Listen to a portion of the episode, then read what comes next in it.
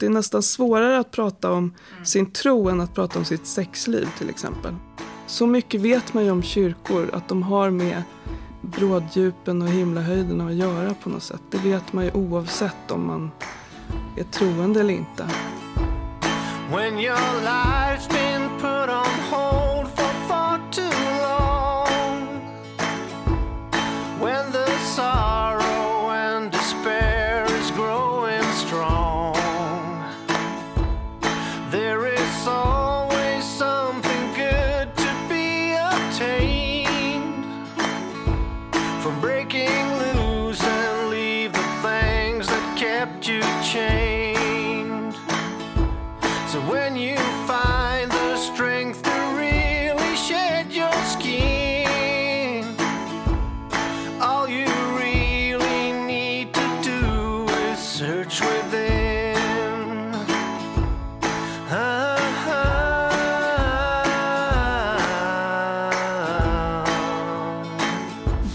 Säger vi välkomna till eh, ett nytt avsnitt av Bortom ekorrhjulet. Jag har haft lite paus i några veckor så du har fått ratta skutan själv ett tag, Katta. Hoppas att det känns okej. Ja, det känns eh, helt okej. Ja, det är lite oroväckande nästan hur bra det har gått, tycker jag. Men, eh, Du är väldigt vi, efterlängtad. Ja, vad gulligt att säga så. Ehm, vi har ju en väldigt, eh, det är som ett eh, litet, vad ska man säga, ett extra festligt avsnitt den här gången. Eh, vi har en gäst som vi har sett fram väldigt mycket emot att få träffa. Tack och tack. Ja, eh, Camilla Liv, Ja, varmt välkommen till podden. tack så hemskt mycket. Vi är så glada att du ville vara med oss idag. Självklart. Eh, och eh, om vi ska... Ja, jag tänkte att du får liksom introducera dig själv ganska mycket. Men om vi ska ge en kort liten bakgrund så är du präst. Mm. Och du är också lite av en radioprofil kan man säga. Eh, Ja, det kanske man kan säga. Ja. Jag gör ganska många olika radioprogram. ja, och inte minst så har du sommarpratat eh, Ja. nu i somras. Mm. Eh, vi pratade lite om det här innan. Det, det var ju ett, alltså, både jag och Katta tycker att det var ett helt fantastiskt sommarprat. Och väldigt många andra också, vet jag. Ja. jag Det gör mig glad. Ja, Ja. det är jätte, jättebra. Så att om någon har missat det så rekommenderar vi er varmt att lyssna på det sommarpratet. Mm. Också, efter att ni har lyssnat på podden. Exakt. Eh, ja, men ehm, ja, vi tänkte att temat för det här avsnittet ehm, är andlighet kan man säga. Eller lite grann så här, hur man nu väljer att definiera det. För det, jag tycker det är ett lite, lite klurigt begrepp. Liksom. Mm. Men eh, be, det här behovet som jag tror nästan alla människor känner av någon, någon form av andlighet i tillvaron. Liksom. Mm. Och eh, hur det liksom ser ut med det idag egentligen. Eh, men tänkte att vi börjar med att du kanske får berätta lite om dig själv och sådär. Mm. Vem du är, din bakgrund. Ja, jag är uppväxt i en fantastisk förort som heter Sollentuna. Där Mm. ni också kommer ifrån. Ja. Ja. Mm, våra hoods. Ehm, utanför Stockholm i en eh, väldigt vanlig ateistisk familj. Ehm, jag är 53 år och är präst sedan 1999. Då prästvigdes jag. Ehm, jag har en brun labrador, en blond 17-årig dotter och en make. Och vi bor på Kungsholmen. Och eh, min väg in i prästarbetet var absolut inte spikrak eller förutsägbar på något sätt. Utan det var ganska oväntat för alla runt omkring mig och mig själv att jag blev präst. Men, men eh, det är världens bästa uppgift och arbete. Så jag har aldrig ångrat det. Och nu är jag kyrkoherde här i Katarina församling som ligger uppe på Södermalm. Uppe på höjden. Och vi är ett arbetslag på ungefär 40-50 personer här. Vi har två kyrkor. Och eh, när man är präst, när man inte är kyrkoherde så är prästuppgifterna ganska givna. Att man håller på med eh, själavård, eh, begravningar, vigslar, dop och gudstjänster. Det är liksom kärnuppgifterna för en präst. Sen finns det massa saker runt omkring som man också gör, men det är själva grunduppgiften. Och, ehm, så att vi, är sju, vi ska vara sju präster här i församlingen, med mig inräknat. Mm. Ehm, ja. Och hur många själar rör det sig om som i, i liksom ert... I vår ehm, församling Ja, precis. I vår församling, nu har jag inte den exakta siffran kommer jag inte ihåg, men det är 12-13 000 församlingsmedlemmar. Alltså människor som är med i Svenska kyrkan som bor i vår geografiska församling. Det är ju så med Svenska kyrkan att varje centimeter av Sveriges yta tillhör liksom en svenskkyrklig församling. Och sen räknas antalet präster ut då i relation till hur många som är medlemmar i församlingen. Det finns ju församlingar där, där procenttalet är mycket lägre än här för att, för att det är många som är medlemmar i andra kyrkor eller andra religioner eller sådär. Eh, men här på Södermalm är det en ganska segregerad stadsdel så tillvida att de flesta är etniska svenskar eller vad man ska säga. Kommer härifrån. Så att eh, så ser det ut hos oss. Mm. Vi har också ett flyktingboende här i, i krokarna och vi samarbetar mycket med moskén som ligger ett stenkast härifrån, som är våra grannar. Mm. Så, Okej. att, eh, så ser det ut här. Vad spännande. Det, Mm. Hur ser det samarbetet ut? Det började med att eh, då när flyktingvågen kom 2015 på hösten så var det jättemånga som inte hade någonstans att sova och inte någonstans att äta och så. Så då hade vi massor av eh, människor som sov här i våra lokaler och vi hade en stor frivillig organisation kring det. Och man fick frukost och man fick duscha och man fick sova och man, sådär. Så att då kom människor till moskén och så hjälptes vi åt att, att eh, föra dem hit. Det är inte så lång promenad. Och så öppnade vi våra lokaler på olika sätt. Och sen efter det, när, när den strömmen av människor var slut, så har vi ända sedan dess haft språkcafé och rådgivning när det gäller alla möjliga myndighetsfrågor och sådana saker som är svåra att begripa sig på när man kommer ny till ett land. Ehm, olika typer av stödinsatser. Mm. Och nu funderar vi på hur vi ska eh, ta nästa steg. Hur integration, hur vi skulle kunna hjälpa till med integration och sådana saker. Så att så ser samarbetet ut just nu. Mm. Att vi funderar över hur vi ska gå vidare.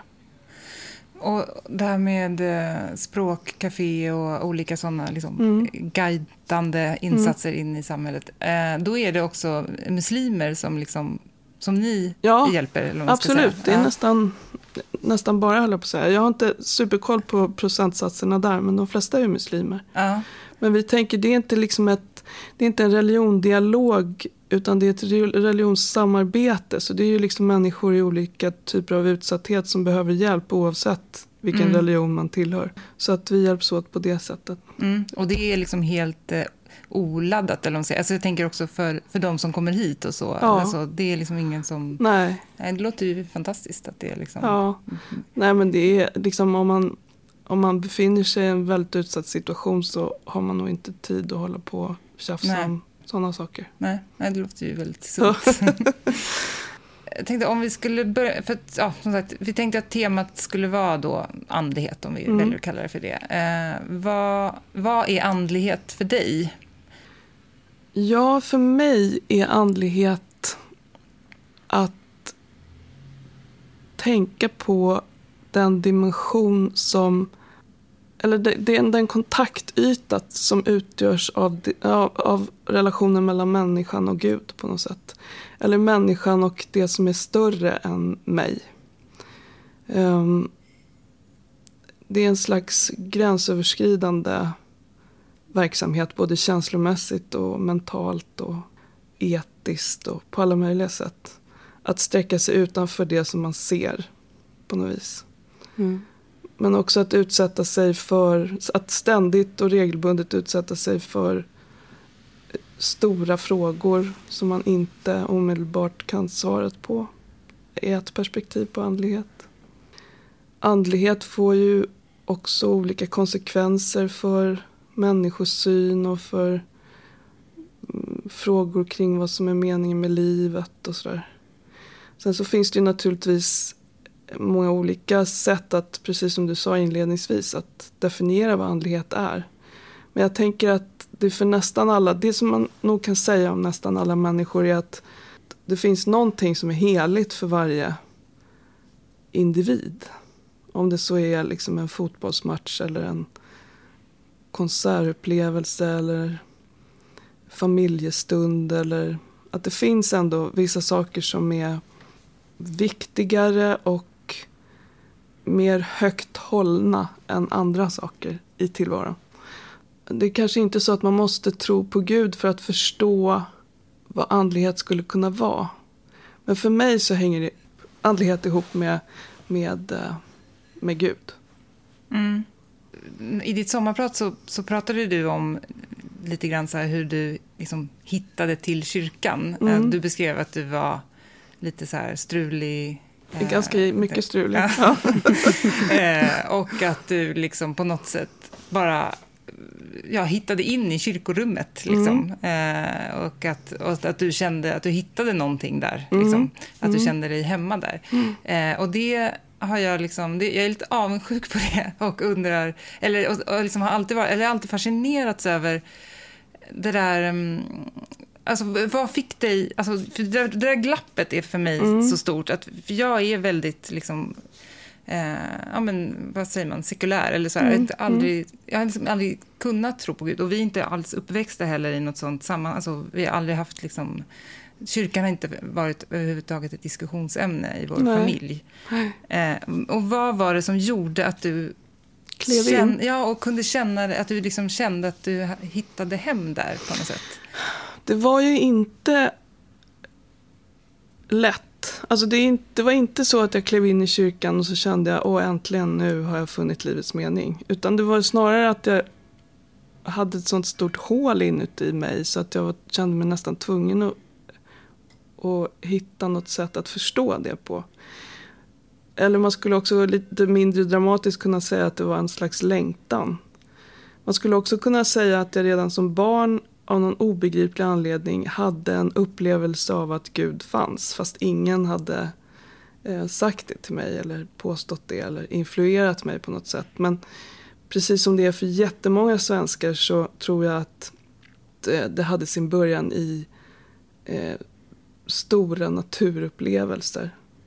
Den typen av frid och äventyr som det kan väcka, de känslorna som det kan väcka var någon slags grund upplevelse i det där. Men sen när jag var tonåring så var jag, så var jag ju allt annat än fridfull och eh, så. Utan jag var nog ganska deprimerad. Och, men så mycket vet man ju om kyrkor att de har med bråddjupen och himlahöjderna att göra på något sätt. Det vet man ju oavsett om man är troende eller inte.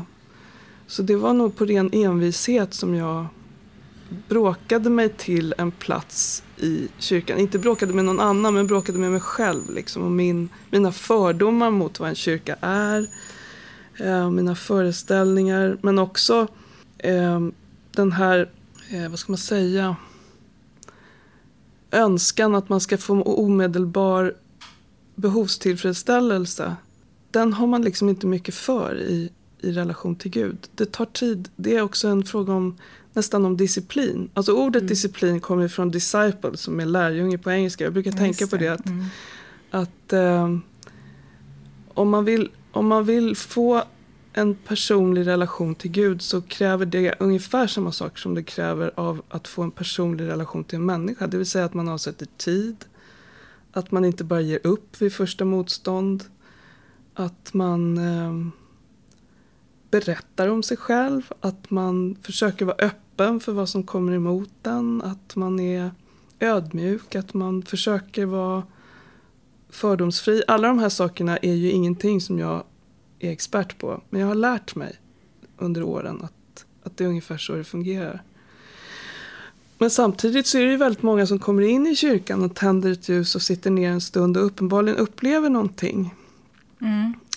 Um, och vill man ha mer av det, då måste man eh, söka lite eh, och eh, fråga lite och, och eh, engagera sig i den utsträckning som man vill.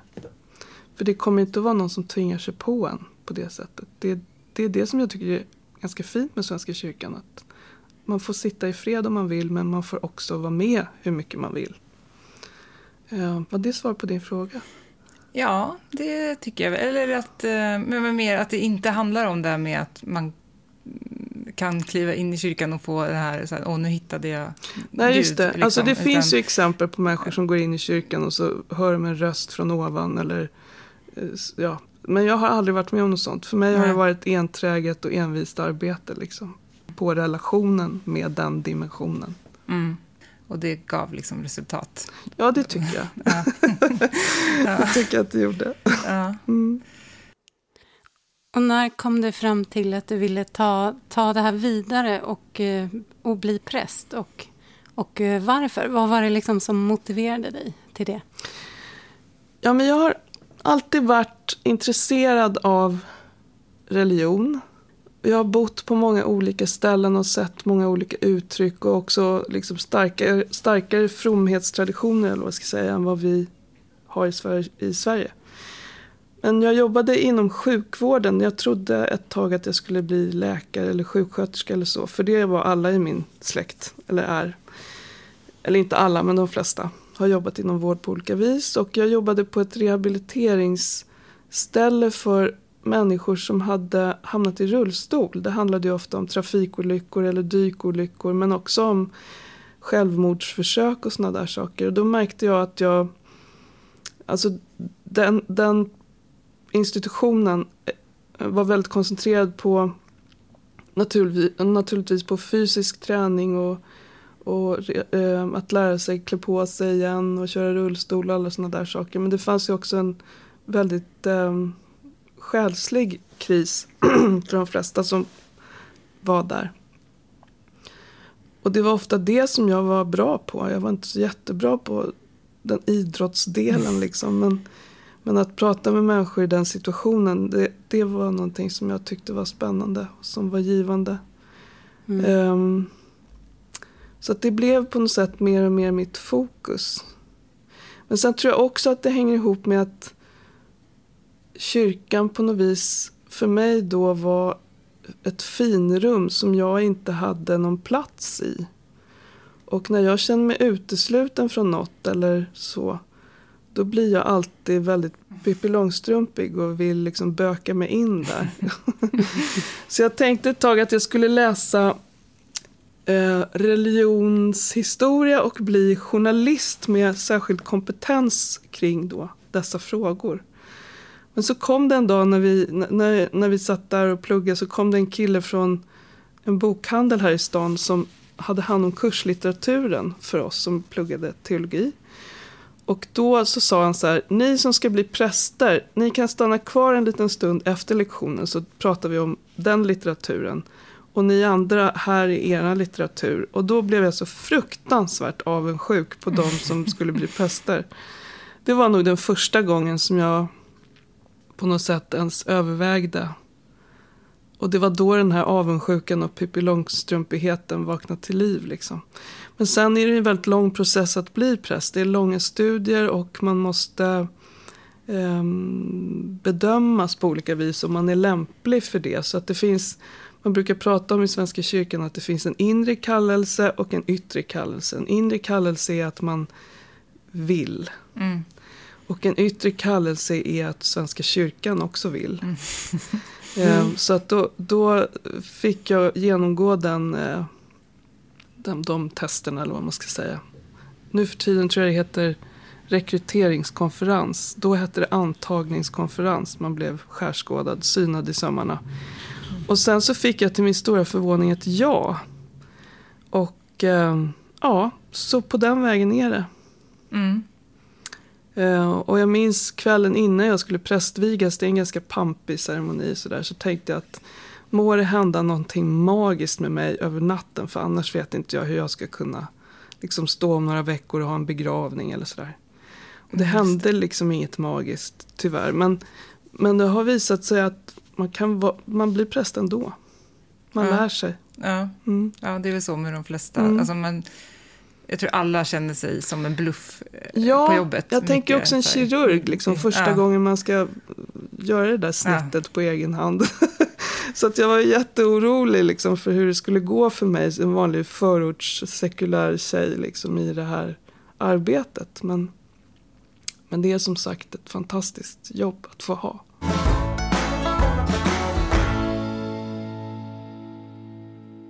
Tror du det är så att alla människor, att vi har den här delen i oss, så att säga? Att alla har det här behovet? Ja, det tror jag faktiskt. Jag kan inte säga med säkerhet, men det är mitt intryck att alla har behovet, man tillfredsställer det behovet på lite olika sätt. Eller så gör man det inte och då får man mm, ta till andra saker. Ibland tänker jag att både olika typer av missbruk eller, eller andra excesser liksom i, i shopping eller träning eller vad du vill. Att det är någon slags försök att tillfredsställa just det. Men att det kanske inte går att tillfredsställa fullt ut på det sättet. Eller så gör det det. För mig har det inte funkat. Nej, hur tycker du att liksom, förutsättningarna i dagens samhälle, som man brukar säga, för, Mm. för det här sökandet, hur, hur tycker du att det ser ut idag? I, i, om man säger det i västvärlden då?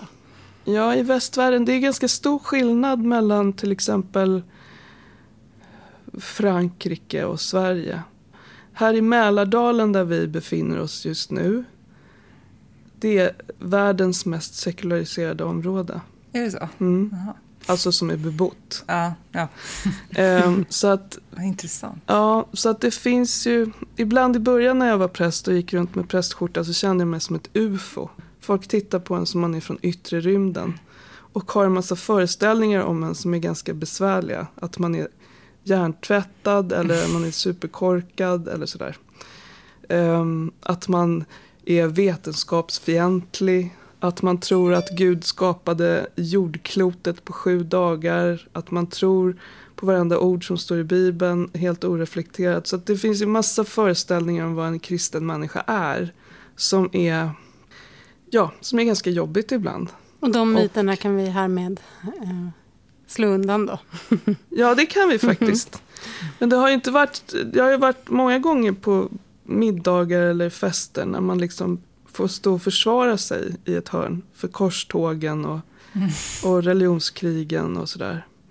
Och jag förstår det, för det är den kultur vi har vuxit upp i och som vi är en del av. Mm. Men det är ganska...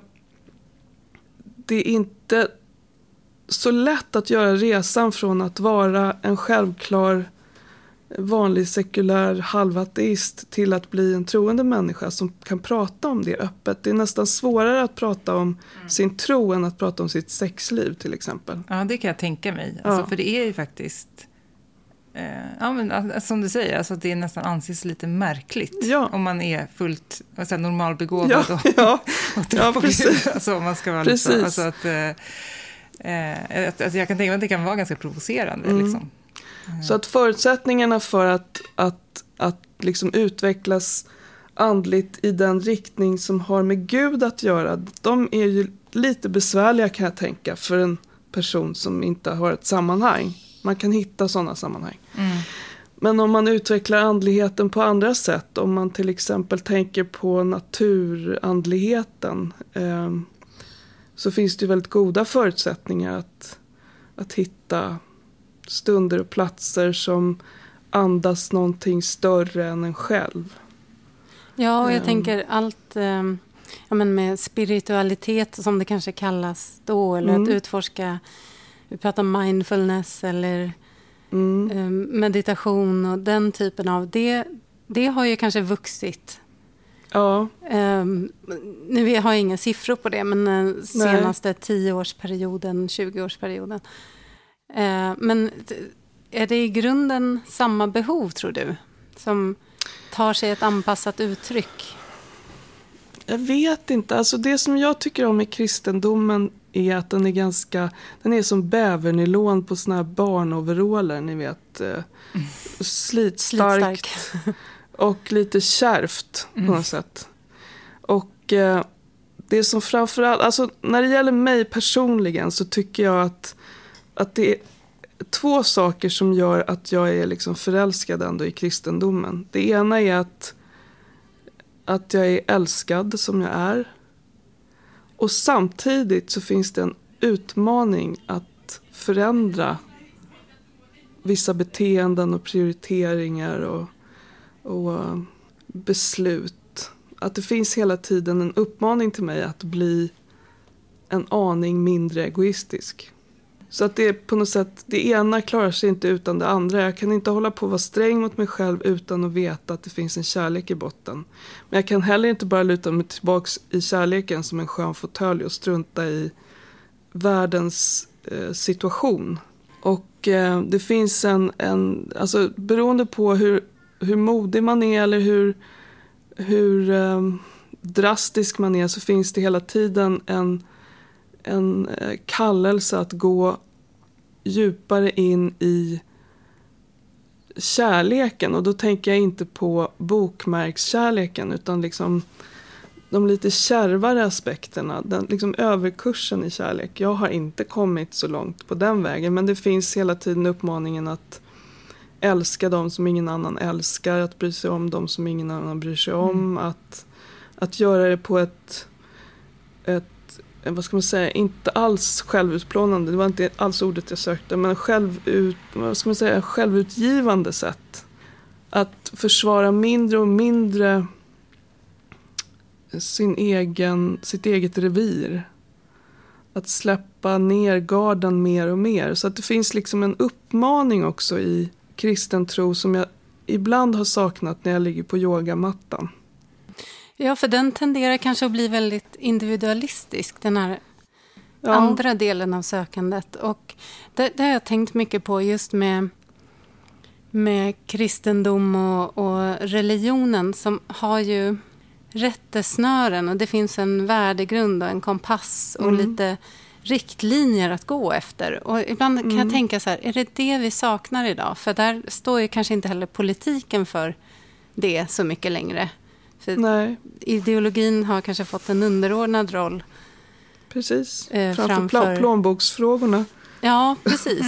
Kapitalismen, liksom, det är den nya guden. Ja, och den kan ju svänga inte. väldigt ja. snabbt. För mig har det i alla fall, utifrån den person som jag är och de förutsättningar som jag har så, så är det så har det varit väldigt hälsosamt att utsätta mig för prövning.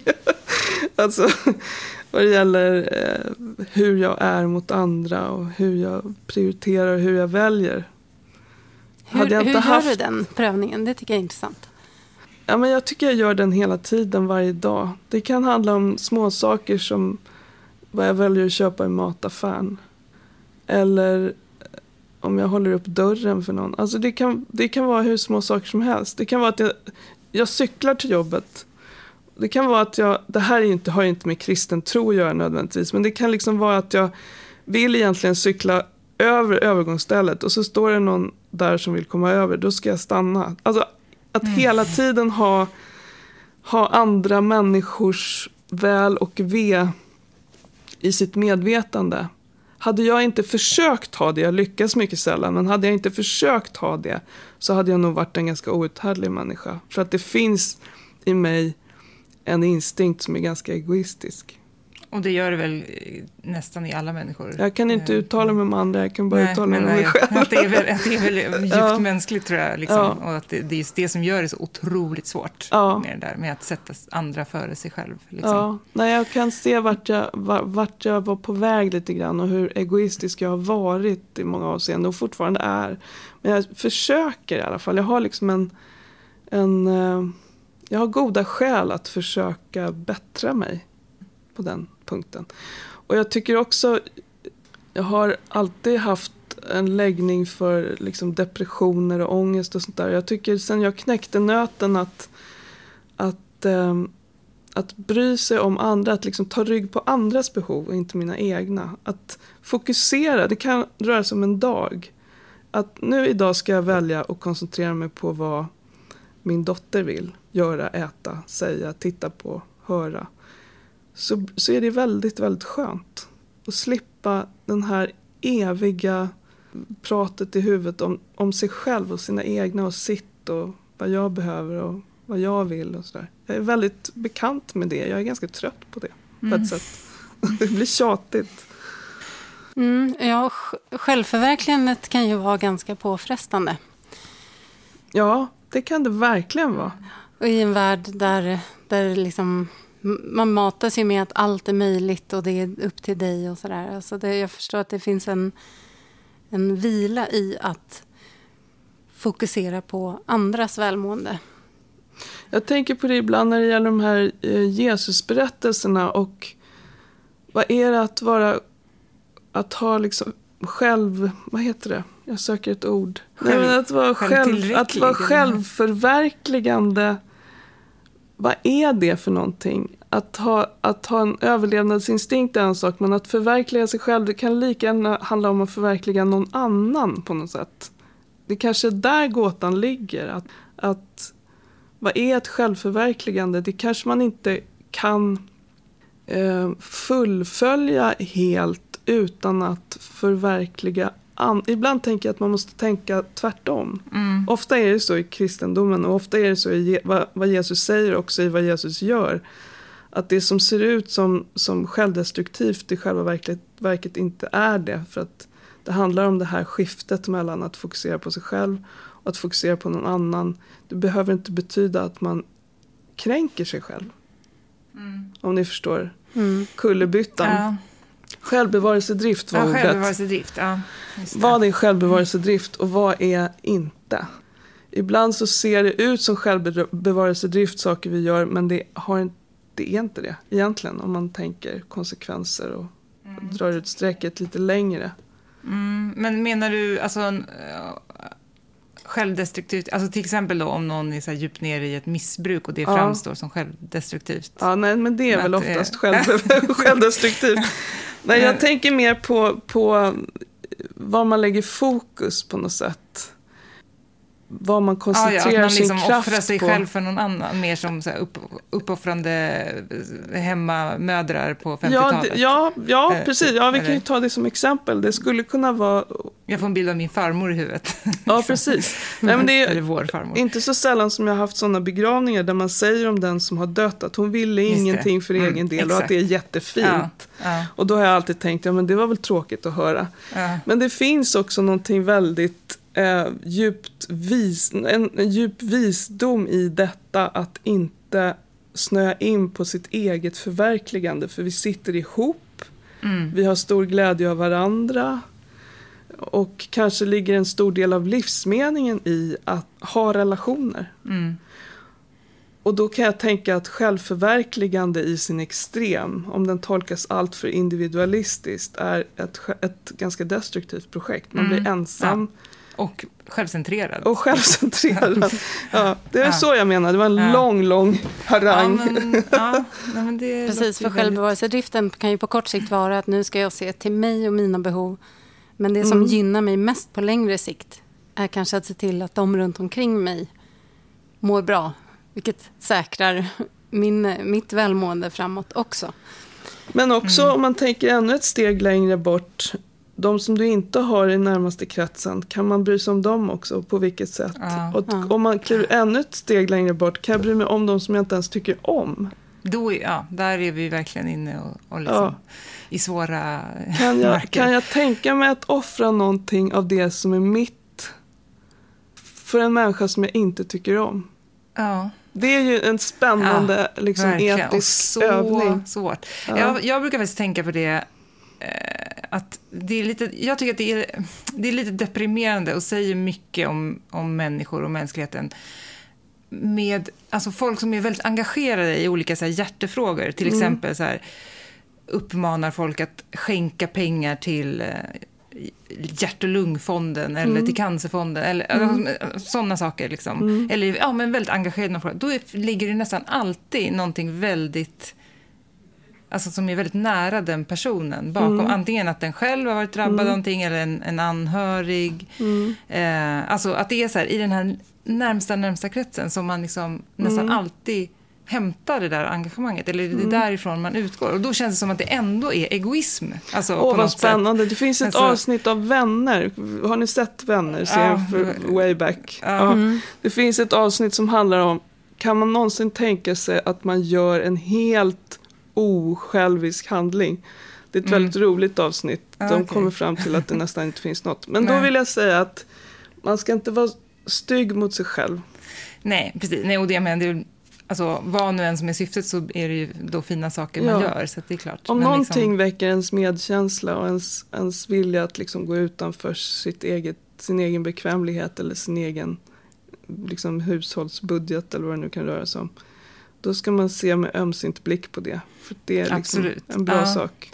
Men det är ändå intressant tycker jag, Ja. det där med att det, det som framstår som väldigt så här, godhjärtat och kanske Mm. självuppoffrande och så här, åh titta han har lagt liksom hela sin förmögenhet på Mm.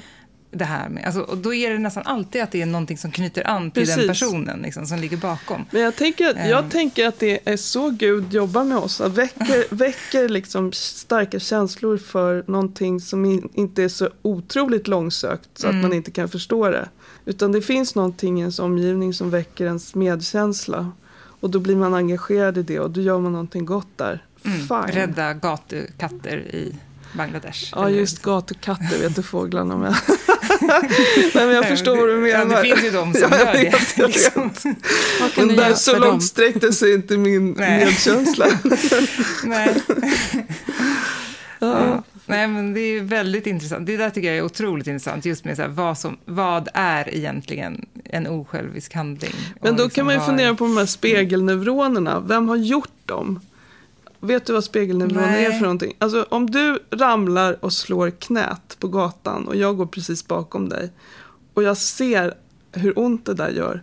Då gör det, alltså mäter Ja. du mitt, min hjärna då så, så gör det ont i, mitt, i mig Aha, också. okej, ja. Att vi har liksom eh, funktioner i hjärnan som gör att vi känner andras känslor. Och skratt smittar i tunnelbanevagnar och gråt kan smitta. Att vi, att vi smittar varandra med vad vi upplever. Och det för oss ihop liksom. Ibland tänker jag att de där spegelneuronerna att ja, det är väldigt bra att de finns. Och det är en väldigt bra uppfinning. Och det håller oss ihop och det gör att vi kan sträcka oss ut mot andra och veta vad andra känner. Mm. Och sen kan man ju fråga, är det bara då en överlevnadsmekanism som vi har för att det gör att vi skapar kluster och, och, Mm. och skyddar varandra? Eller är det någonting som Gud har planterat i skallen på oss för att vi liksom ska bry oss om varandra? Mm. Det behöver vi inte komma till botten med, men man kan ju se det på lite olika sätt. Mm. Mer hoppfullt eller mer rationellt? Ja, precis. Jag bryr mig inte om vilket, men jag Nej. tycker det är fina konsekvenser. Det Ja. får bra konsekvenser. Ja, Och då är ju frågan vad... Det är som att vi alltid skäller på skärmar här och så är det ju inte. Det finns ju mycket som för oss samman där också. Men vad Mm. gör det med just den igenkänningen? Mm. Jag hörde faktiskt ett reportage om det i morse på någon podcast när jag cyklade.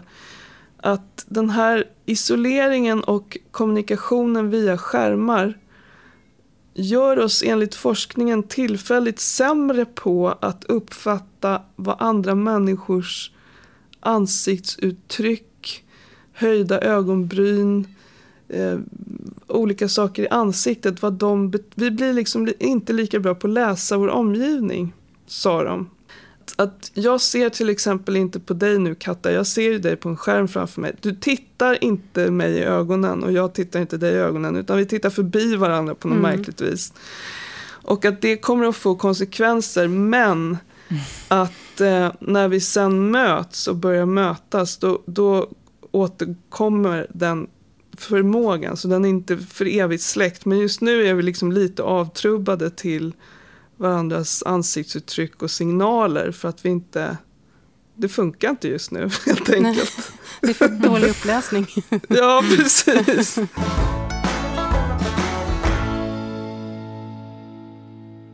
Det vore intressant att höra vad du tror om eh, kopplingen mellan ökande psykisk ohälsa och andlighet. Alltså bristen på eller... hur- ser du någonting av det i ditt jobb? Jag befarar att det kommer en stor PTSD-våg efter det här. både från människor som har varit sjuka och från människor som har jobbat inom sjukvården. PTSD alltså. Efter coronan? Alltså. Efter corona, stress, eh, Stresssyndrom, ja. ja. Men jag tror också att det kommer eh, depressioner och en ökad frekvens av suicid. Kommer säkert i kölvattnet av det här. Och det som jag tror behövs mest från, från liksom vårat håll, från kyrkans håll, det är att väcka liv i de gemenskaper som vi har haft, som vi har på lågvarv just nu och som jag hoppas att vi får tillbaka. Där, där det finns en väldig, vad ska man säga, det är väldigt, en väldigt välkomnande miljö så tillvida att vi inte gör så mycket skillnad på ålder och vad man har pluggat eller vart man kommer ifrån eller huruvida man är lycklig eller olycklig. Det är en väldigt spännande och färgstark samling människor som brukar samlas här i kyrkan på söndagar och jag längtar efter den. Jag behöver den och jag tror fler gör det. För nu har ni inga sådana? Vi har små gudstjänster men vi får ju bara ha då 50 personer. Vi har gudstjänster för 70-plussare och riskgruppspersoner. Men det är inte samma sak som att få ta varandra i hand som vi brukar göra i varje gudstjänst och frimodigt ta emot nattvard och sjunga och tända ljus och allt det där. Det, det, det eh, har vi inte just nu. Så att det här är en sorglig tid på det sättet. Men jag tror absolut att, eller jag tycker jag ser att de här frågorna kring dödlig, vår dödlighet har ju blivit väldigt påtaglig under den här coronatiden för alla människor. Att vi tvingas tänka mer på det. Um, och det är ju ett djupt andligt perspektiv i det. Och jag tänker att det också återför en till en av av andlighetens liksom allra viktigaste och vackraste principer som handlar om tacksamhet till exempel. En person som, eller det klokaste jag har hört på, hört på många år är en munk som har sagt att det är inte lycka som leder till tacksamhet utan det är tacksamhet som leder till lycka. Mm. De där munkarna. Ja, så det är inte liksom hur mycket saker man har eller vad man har åstadkommit eller upp, vad man upplevt som leder till tacksamhet. Det är liksom inte en kvot som ska fyllas och när den är fylld så blir man tacksam. Utan det är tacksamheten som leder till lyckan. Det tycker mm. jag är så ja, sant. Så att jag tycker ändå att det finns en, en, en uppväckt vad ska man säga, förmåga att formulera tacksamhet i den här coronatiden man förstår att man inte kan ta allting för givet på samma sätt som man har gjort. Och att de saker som man ändå får uppleva och de små stunder av liksom, glädje, eller små stunder, de många stunder av glädje som man kan uppleva trots det här blir man på något sätt väldigt tacksam för. Och det är ju en djupt andlig upplevelse. Mm. Så på det sättet tycker jag att coronan har, eh, har stärkt en andlighet. Vi har ju tvingats eh, stanna upp, verkligen. Ja, precis. Och, och väldigt kollektivt sett. Um, ja, precis. Så att vi, och det kanske har ökat um, förståelse för varann också. För annars, det kan ju hända enskilda precis. individer eller grupper sådär. Att någonting ja. väldigt drastiskt händer. Men nu är vi verkligen i samma båt allihop. Ja, på det sättet är vi det. Sen mm. finns det ju enorma skillnader mellan att vara fattig i Indien och mm. relativt välbärgad i Stockholm. Men, mm. men, men, men tacksamheten och, och vetskapen om att man är dödlig och att det finns en gräns. Och att man älskar människor och att man vill ta i dem också. Mm. Det var liksom en nyhet för mig. Jag har alltid tyckt att, att jag är en ensam varg. Men det finns något som mm. heter uh, skin hunger. Eh, ett begrepp inom psykologin som jag genast forskade rätt på när det här började. Men sen tänker jag också på eh, det är många identitetsfrågor som liksom aktualiserats under den här coronatiden tycker jag. En av dem är ju att vad är man värd när man inte kan prestera en massa? Um, och jag tänker att en människa som inte presterar, en människa som vilar, en människa som tänker, en människa som sitter på en parkbänk och inte tjänar några pengar. De är också på något sätt ett budskap om vad det är att vara människa som jag behöver lära mig mer om. Att värdet sitter inte i vad man gör eller vad man kan utan värdet sitter mm. helt enkelt i att man finns. Och det tycker jag att jag själv har fått känna på eftersom jag har varit sjukskriven delar av den här sommaren. Vad är, vad, vem är jag om jag inte visar framfötterna mm. eller ja, tjänar pengar eller träffar människor eller vad är jag värd då? Mm. Så att det där är jätteintressanta frågor som har också med andlighet att göra men som kanske inte direkt handlar om min relation till eller alla andras relation till Gud utan som är mer men som gränsar till andlighet. Mm. På en kollektiv nivå, alltså hur ser vi på någon som inte presterar enligt mm. liksom, vårt samhälles mm. normer? Mm. Och hur ser vi på oss själva?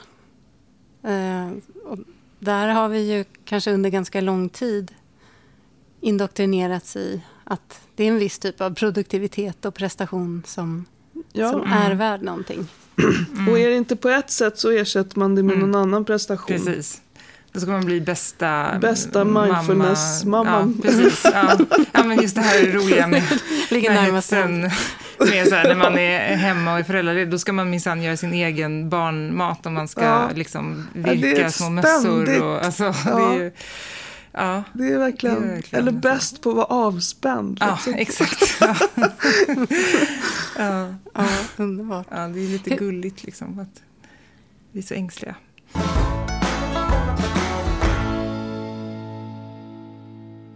Eh, hur har kyrkans roll liksom...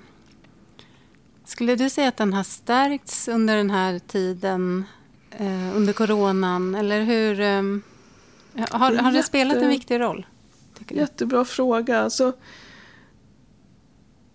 här i min församling så bestämde vi tidigt, för vi har ganska stora gudstjänster i normala fall. Det kommer liksom mellan 300 och 600 varje söndag på vår mässa här i Katarina kyrka. Och då så bestämde vi ganska tidigt att vi måste stänga den och istället göra digitala gudstjänster, alltså inspelade gudstjänster som vi la upp på, på Youtube sådär varje söndag. Och satsade ganska mycket på det, att det skulle bli bra, att det skulle bli fint. Um, och det gjorde vi. Och sen såg vi till att vi skulle ha kyrkan öppen varje dag och att det skulle finnas kaffe, att det skulle finnas människor att prata med, att det skulle finnas tillfälle att gå in där och vara där, sitta där om man vill. Och sen bestämde vi också, det tredje vi bestämde var att vi skulle upprätta en hjälptelefon så att människor som behövde hjälp med olika saker kunde få det. De kunde ringa på förmiddagen och säga jag, vill, jag behöver hjälp med mat eller jag behöver hjälp med medicinerna. Och så kunde vi under eftermiddagen liksom utföra de uppdragen då. Så att det har vi gjort. Men det har ju precis som på stan i övrigt varit ganska eh, lite folk. Liksom ödsligt på något sätt.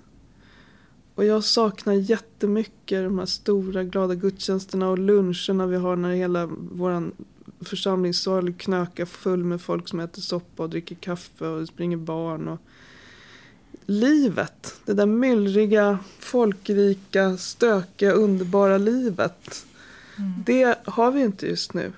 Och vi måste hela tiden tänka på att till exempel om man har en begravning så så, så får det inte komma fler än 50 personer och de måste sitta långt isär och man får inte krama om någon som är ledsen och allt det där. Det är jätte, jättebesvärligt tycker jag. Ja. Svårt. Det måste bli eh, otroligt tydligt i just den situationen. Mm. Ja, ja, precis. det är ohyggligt jobbigt. Alltså, ja. Framförallt för de anhöriga men också för oss som är präster. Det är så ovant för oss att, att bete oss på det sättet. Mm. Det är svårt att ersätta en kram mm. med en vink. Oh, ja, precis. Ja. Jo. Även om mm. alla förstår och det är av, av omsorg om varandra så tycker jag att det, det är jättesvårt. Eh, Så att jag vet inte riktigt vad jag ska svara på din fråga vad kyrkan har betytt under den här tiden. Sen finns ju kyrkan på massa andra ställen. Det finns sjukhuskyrka på alla sjukhus. De har haft enormt mycket att göra och- under svåra Mm. omständigheter.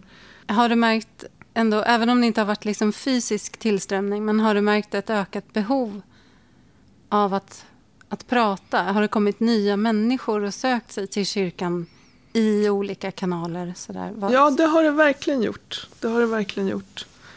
Ehm, både digitalt, både på olika sociala medier men också i kyrkorummet. Men, men det är svårt att ge någon, det är liksom enskilda individer hela tiden. Det är svårt att ge någon samlad, samlad bild av ett, ett konsekvent flöde liksom. Men, men eh, de här gudstjänsterna på nätet, det är ju nästan, ja det är otroligt många församlingar i Sverige som har gjort sådana. Och det tycker jag är intressant att man vill ändå se sina, liksom sina präster och sina musiker och sina kyrkvärdar. Man vill inte titta lika gärna på någon, någon man skulle inte kunna skicka ut en gudstjänst centralt liksom och så var det bra med det utan det finns liksom en, en förankring.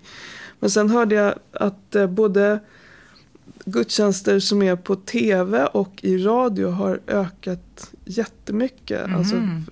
tittare och lyssnare. Så att det kan ju vara då de som normalt brukar gå till kyrkan kanske gör det, men det har varit mer än så.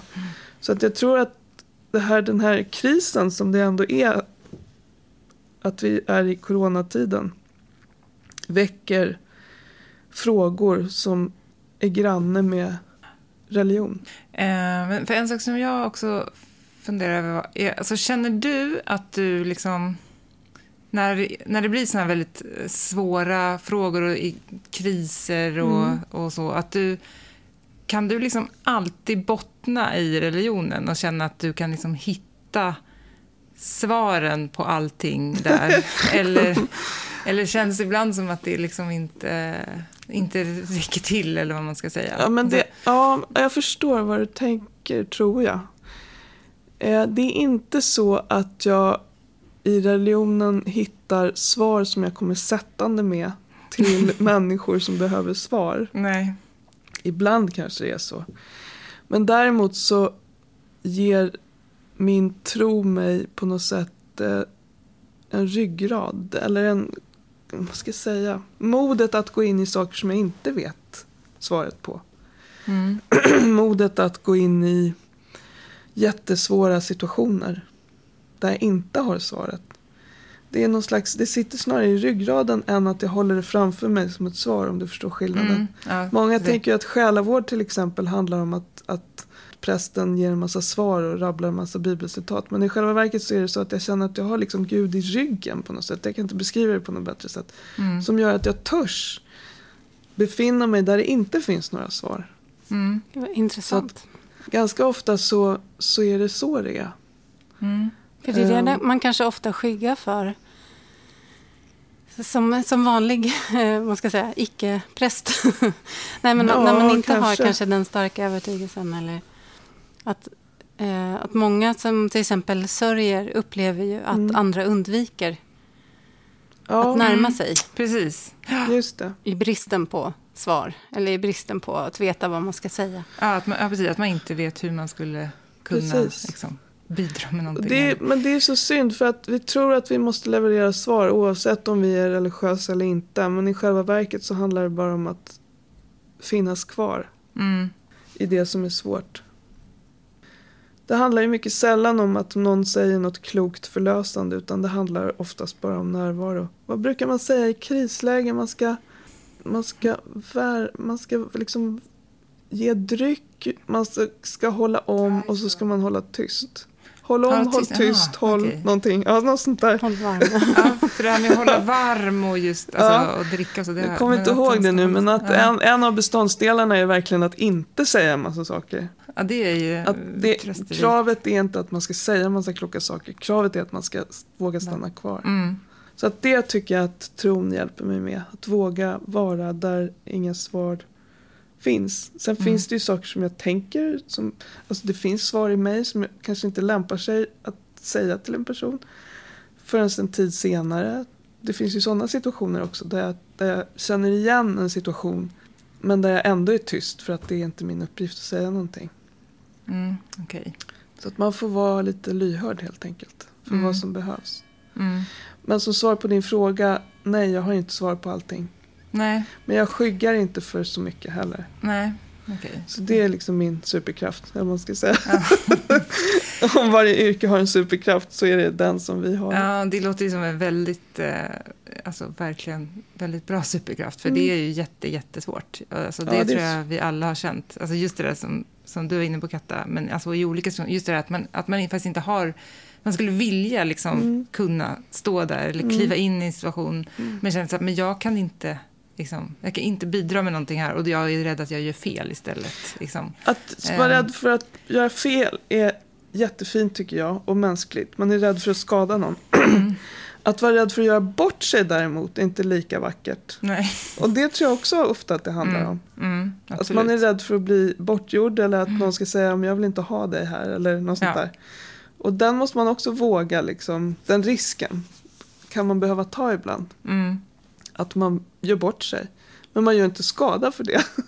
Nej, nej, det är en viktig skillnad faktiskt. Ja, det är det är sant. Ja, det är kanske ofta man tänker just det där att jag är Ja. rädd att göra fel, men det kanske är mer att man faktiskt är rädd att göra bort sig, att det blir pinsamt för en själv. Ja. Liksom. Ja. Jag vet inte hur många gånger jag har liksom. känt det och så har jag tänkt ja just det, det är den här känslan. Ja. Men den är ju ändå, det grundar sig i en god vilja att man vill försöka göra något och så blir det knas liksom. Mm. Så hur, kan det bli. hur ofta händer det dig då? Alltså att Ja, du blir avvisad på det sättet? Eller Nej, liksom? avvisad kanske inte så vanligt men jag kan nog säga saker som är klumpiga eller eller eh, ja, men den känslan tycker jag att jag stöter på då och då.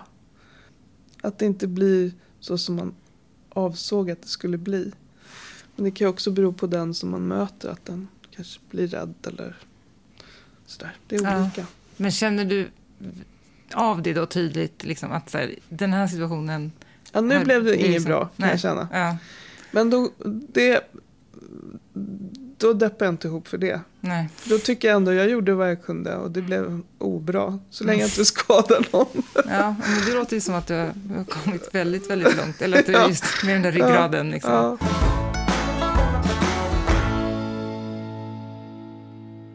också, jag tror både jag, eller vi har ju pratat om det, du och jag Katta, en del, alltså just det här, att det, och det var också därför vi ville göra liksom ett avsnitt om det här, med att, att vi båda känner ju liksom det här behovet och kanske också att eh, ja, ja, men så som samhället ser ut nu, att, att det känns som att kanske det där liksom, hålet blir större, alltså av att eh, man hinner aldrig stanna upp och reflektera ordentligt och liksom man kan känna att man bara tappar bort sig själv liksom, Mm. lättare nu, tycker jag i alla fall. Det känns Mm. som. Eh, ju snabbare allting går. Liksom. Mm.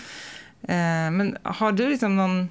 Om man nu inte lyckas hitta det där i religionen, har du några så tankar om hur, eller vad man ska göra för att... När liksom- du säger så här, Eh, när man inte hittar det i religionen Ja, så finns det ju för det första väldigt många religioner och för det andra väldigt, väldigt, väldigt många traditioner. ja, Och, och i i de traditionerna finns det sen väldigt, väldigt, väldigt, väldigt många olika typer av gemenskaper eller uttryck eller församlingar och sådär. Så att jag skulle ju inte ge mig så lätt när det gäller Nej. religionerna. Utan då skulle jag krångla mig in där. Då skulle jag försöka sätta mig i kontakt med någon person som kan hjälpa mig på den vägen. Mm. Och liksom ta reda på. Det finns ju inget eh, universaltricks liksom. Utan man, det beror på vad man står i och vad man har för livssituation och vem man är och sådär. Mm. Jag träffar ju ganska ofta människor som kommer hit med en, en, en ganska vag fråga men en tydlig längtan efter att fördjupa sitt andliga liv. Mm, exakt. Och då får man hitta eh, sätt att göra det på. Det kan vara allt ifrån att läsa en bok och prata om den eller gå i olika kyrkor och försöka hitta en som man gillar eller ja, det kan vara en massa olika saker. Men om man helt då vill utesluta eh, det stora eh, komplexet av religioner, traditioner, församlingar, kyrkor, allt det där. Då är väl mitt eh, hetaste tips naturen. Mm. Då är vi på rätt spår. och då tycker jag det är så intressant, Kerstin Ekman har sagt någon gång att hon gillar inte när man pratar om naturen utan hon tycker man ska prata om olika landskap och det har hon ju faktiskt rätt i. Mm, jag, jag, är ju inte jätteförtjust i skogen till exempel.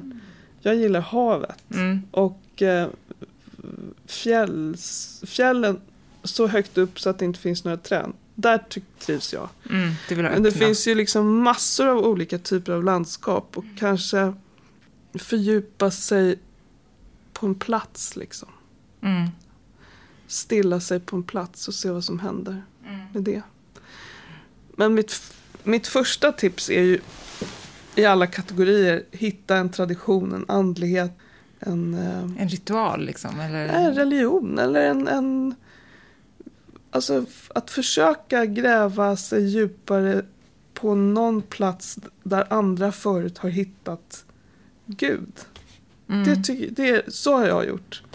Jag bodde i Vietnam en sväng och där hade de andra där fanns det mycket buddister till exempel. Och, och eh, i Afrika när vi bodde där när jag var liten så fanns det andra religioner där. Men jag tycker om att gräva där jag står. Liksom i den det finns någonting i alla religioner. Mm. Men jag tycker om att gräva i min tradition. Liksom. Och så gräver man så djupt man orkar. Istället för att, sma att smaka lite på alla. Men det kan ju också vara, det kan ju vara, ja det kan vara vad som helst. Men jag tror verkligen på att gräva där man står. Och, och vara lite envis.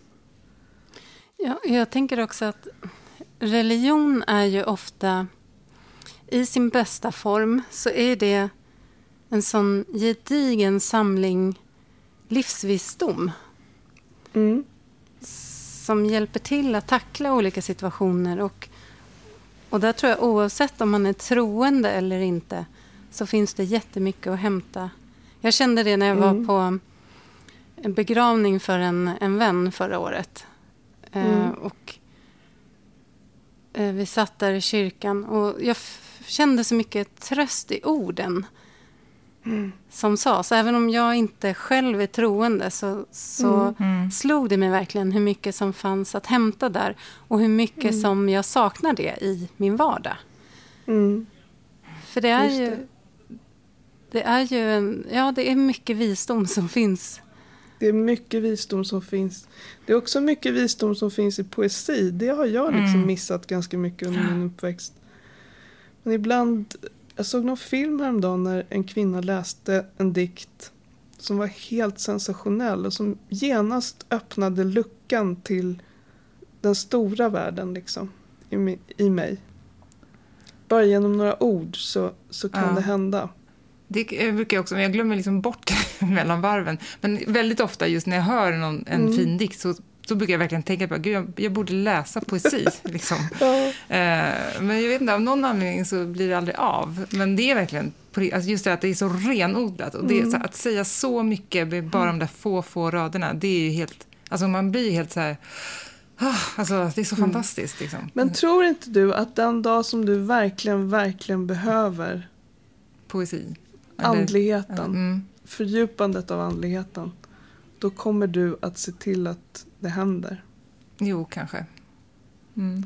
För det är min erfarenhet av människor som verkligen antingen hamnar i djup kris eller i stor lycka eller vad det nu kan röra sig om. Att när det är skarpt läge, då är det skarpt läge. Och fram tills dess är det mest något som människor har dåligt samvete för att de inte ägnar sig åt. Och det verkar ju onödigt.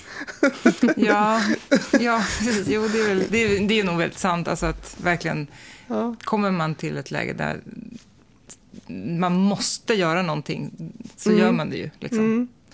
Så att när eh. du säger att du skulle vilja men att det liksom inte blir av låter det som lite grann. Mm. Jo men då är det väl att jag inte liksom Alltså jag prioriterar det inte Nej, såklart. då gör du inte det. Och då är, väl, då är väl det ett, då är det väl så. Mm. Det är väl inget att liksom skambelägga sig själv för då, tänker jag. Nej, Du hör väl av dig till någon när det behövs, tänker jag. ja, jo, precis, jag gör väl det kanske. ja, nej, och det är inte kanske inte direkt jag ska. Men just det, det finns ju vissa saker så som man kan känna att så bara, men det här är ju egentligen någonting, alltså som till Ja, exempel ja. just med poesi är verkligen Ja, en sån sak. Att det, jag tänkte, det här är ju någonting som jag känner att det, det, är liksom, det skulle passa mig. Eh, men att jag ändå inte gör det. Hur stora är liksom. dina barn? Ja, de är ganska, alltså 11 och 14. Så att det är inte, jag kan Ganska mycket med skilja. barn. Ja, det är det ju i och för sig. Jo, Mm. ja, det är väldigt mycket just nu. Men, Jag tänker det är ju en kallelse i sig. Alltså det finns ju någonting man kan... Alltså, Luther, Martin Luther som har så dåligt rykte, han sa väldigt många kloka saker. Han sa bland annat att en, en bra skoma, en, en skomakare ska göra bra skor till sina medmänniskor. Det är den personens kallelse. Har man barn så ska man ta hand om dem. mm.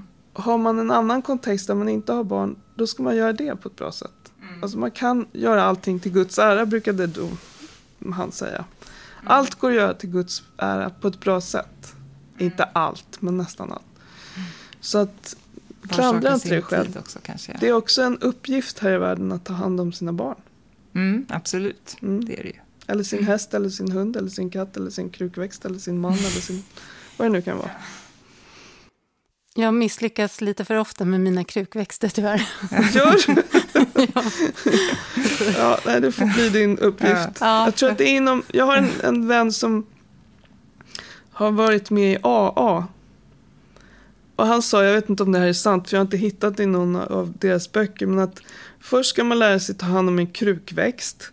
Sen kan man ta, lära sig ta hand om ett djur, ett husdjur. Och sen kan man ha en relation med en okej. person. Då ligger det risigt till, Katta.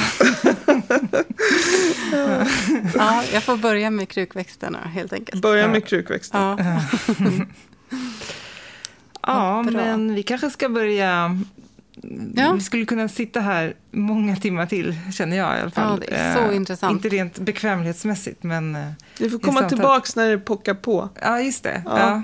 Mm. får vi göra. Eh, det passar väl ganska bra att runda av där, eller hade du någonting? Nej, jag tänkte Mer väl mer om, om, du, om det är någonting du känner att du vill skicka med till våra lyssnare. Som faktiskt, mycket tror jag, många av dem funderar ju på livsval och eh, hur, vilken väg man ska ta i livet och kanske inte är riktigt på rätt plats just, det. nu. Då skulle jag vilja säga att ehm, i detta världens mest sekulariserade land så är det inte lätt att utforska sin spiritualitet eller sin religiositet. Men eh, ni är inte ensamma. Det finns människor som kan både känna gemenskap i det, som kan hjälpa varandra och så vidare. Så är det så att man har sådana tankar eller känslor eller behov så följ det. Gör det, för det är oerhört spännande. Gräv där ni står. Gräv där ni står. Mm. Gräv så långt djupt, djupt ni orkar. Mm. Mm. Det är väl jättebra. Ja, stort tack för att du ville vara med. Och, Tack! Tack Prata med Katta oss. i, i skärmen. ja, ja, jag hoppas att mitt leende här går Med igenom. eller utan Ditt ögonkontakt. leende är underbart. Det kan jag säga till lyssnarna. Det är mycket, mycket vackert. Ja, tack. Ja, men fantastiskt. Det har varit jättehärligt. Och jag tycker att jag har eh, sett din klokskap genom skärmen här. Och, och, eh, trots att det är också en liten mick i vägen. Så, Mm. så, nej, men det har varit eh, ett jättespännande samtal. För mig också. Ja, vad bra. Jag tror att våra lyssnare Mm. kommer få ut mycket av det här avsnittet. Ja, det är jag övertygad om också. Jag tror vi är alldeles för lite såna här, för få sådana här samtal i, generellt i vår vardag. Ja. Tänk då, tänk då på att jag har dem hela tiden. Ja, Förstår du- ni vad bra jobb jag har? Ja. Jag får du någonsin sitta och prata om ytligheter? Oh ja, det får jag också. Jag får allt det bästa av alla världar i det här yrket. Ja. Ja, Mm. okej. Då, är det, då vet man om man ska... Någon sitter och funderar på att byta karriär också, Mm. så det kanske är präst ni ska bli. Ja, det är Mm. bara att kasta sig ut i så Ja, fall. precis. Mm. Mm. Ja, men stort tack. Tack Verkligen. för att jag fick vara med. Tack så Eh, hemskt mycket. Och så tackar vi Sven Karlsson och Epidemic Sound också, Ja. i vanlig ordning.